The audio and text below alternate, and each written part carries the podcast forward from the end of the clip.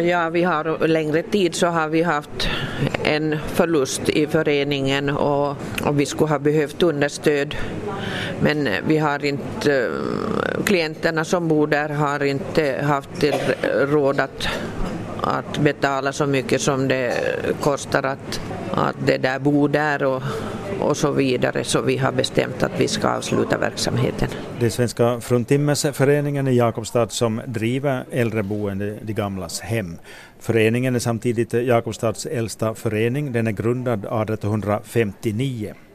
Och det är förstås eh, mycket känslor med i spelet när verksamheten läggs ner men styrelsen orkar inte längre. No, nu är det ju sorgligt. Jag bor på andra sidan gatan och det där och hade ju hoppats att sen när min tid kommer så skulle jag bara gått över gatan men det där jag vet, min pappa, eh, vi har liksom från pappas sida så hans faster som var mångårig, mångårig föreståndarinna i hemmet då, då jag var barn på, då hemmet var på Kristinegatan och och min farmor har dött på det gamlas hem och sådant så att nu, nu känns det ju äh, ledsamt men det där man, jag har ju vant mig med den här tanken nu.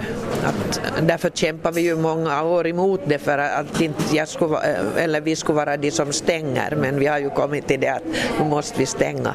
Maria Lindfors och Josefina Nyman har båda jobbat fem år vid det gamlas hem. Det har varit som här uppåt och neråt många gånger men man tänkte det skulle som på något sätt lösa i alla fall. Men så här, så här långt på dålig väg har inte vi varit någon gång tidigare och det känns faktiskt inte, alltså inte roligt, absolut inte. Alltså personalen som jobbar här så vi trivs ypperligt och, och klienterna trivs bra och anhöriga är nöjda. Så det är som allihopa vill att det ska vara kvar. Ja, Josefina, är det ungefär samma känslor du har då?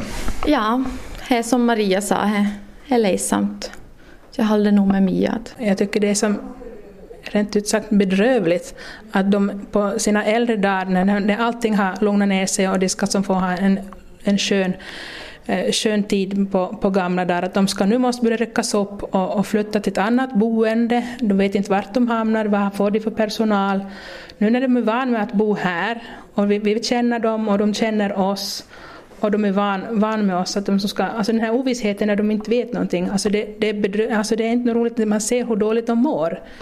Att man, det här är någonting som jag inte skulle vilja att de skulle måste gå igenom. Och det sa Maria Lindfors till slut. Men vad kommer att uh, hända med de gamlas hemfastigheten på den centrala tomten mitt i Jakobstad?